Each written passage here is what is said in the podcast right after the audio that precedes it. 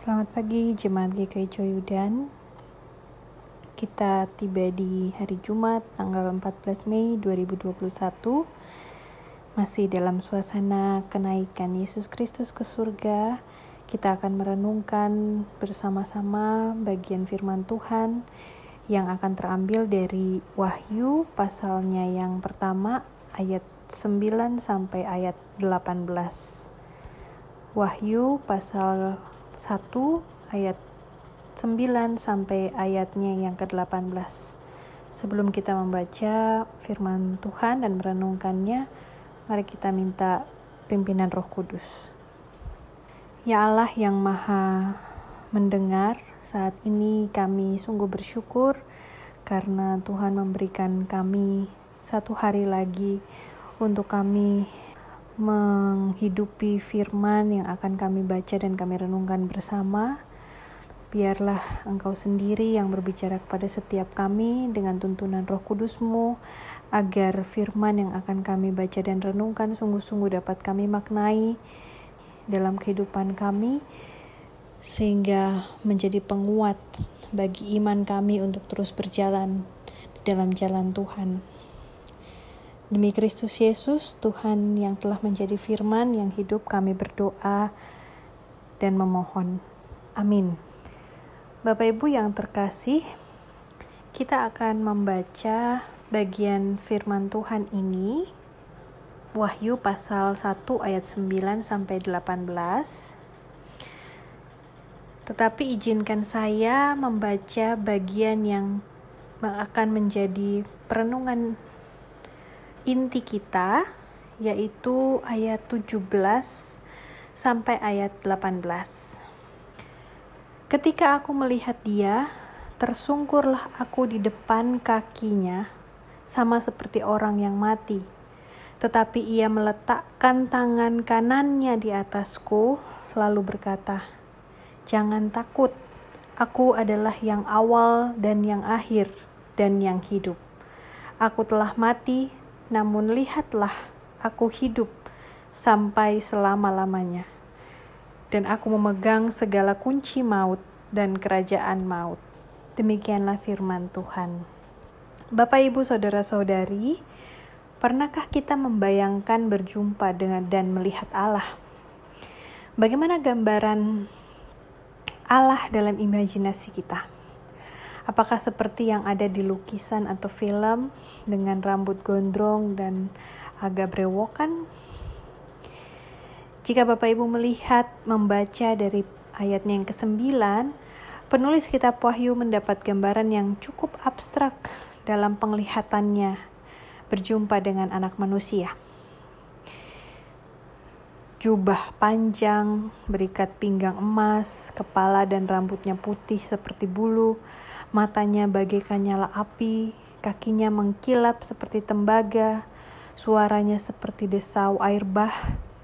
Dari mulutnya keluar pedang bermata dua, dan wajahnya bersinar bagai matahari terik.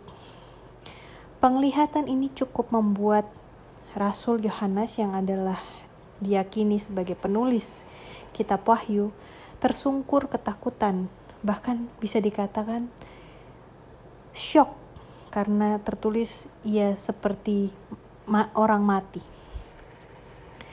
Gambaran abstrak ini menurut sebagian penafsir atau teolog ingin menunjukkan Kristus sebagai raja, imam, hakim. Apakah seperti ini imajinasi kita tentang gambaran Kristus ketika kelak kita akan berjumpa? Bukankah ini jauh dari yang selama ini kita bayangkan? Kristus yang lembut, penyabar, meneduhkan. Namun begitulah kadang sosok Allah dalam kehidupan kita. Kadang membuat kita tidak nyaman, gelisah, menggetarkan, takut. Apalagi ketika kita berhadapan dengan peristiwa penderitaan, kematian, bencana, gambaran Allah yang maha menjadi begitu menggelisahkan. Pertanyaan mengapa begini dan mengapa begitu muncul bersama dengan kemarahan, keraguan, ketakutan. Namun bagian selanjutnya dalam ayatnya yang ke-17 adalah hal yang paling utama. Semua ketidaknyamanan, ketakutan, keraguan, kemarahan yang sering kali muncul lewat pertanyaan-pertanyaan teodise, di mana Allah dijawab dengan sentuhan tangannya yang menenangkan sembari berucap, "Jangan takut." ayat 17 mencatat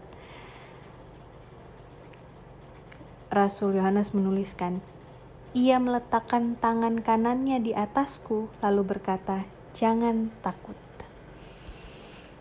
Lalu kemudian dilanjutkan dengan menyebutkan siapa dia.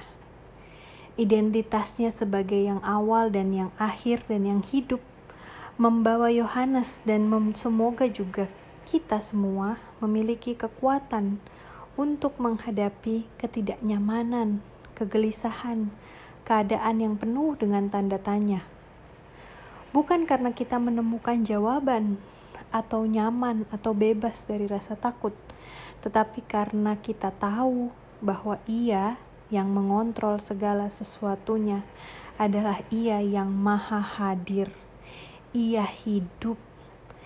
Ia telah hidup bangkit dari kematian. Ia ada sejak dulu, sekarang, sampai selama-lamanya. Ia bukan Allah yang melihat dari jauh. Ia bukan Allah yang naik ke sorga dan meninggalkan kita, tetapi Ia adalah Allah yang hadir dan menyentuh dengan tangannya, penuh pengertian atas apa pun yang sedang kita gumuli dalam batin kita. Dan kalimat "jangan takut" bukan menyuruh kita untuk tidak boleh bersedih, bertanya-tanya, gelisah, marah, khawatir ketika kita sedang mengalami situasi-situasi yang tidak nyaman, berhadapan dengan penderitaan, kematian, bencana, tetapi untuk menegaskan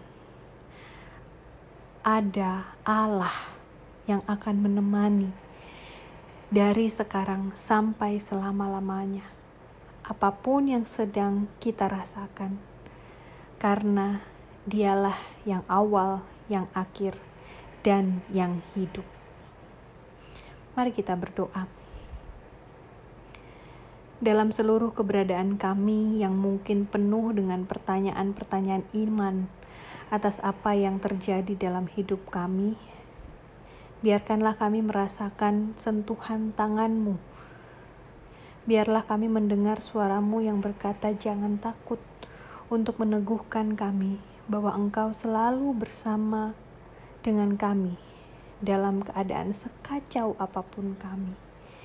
Kami mau berjalan bersamamu sepanjang hari ini, bahkan sepanjang hidup kami. Demi Kristus Yesus, Juru Selamat kami, kami berdoa dan berserah. Amin. Selamat pagi, selamat beraktivitas. Tuhan Yesus memberkati kita semua.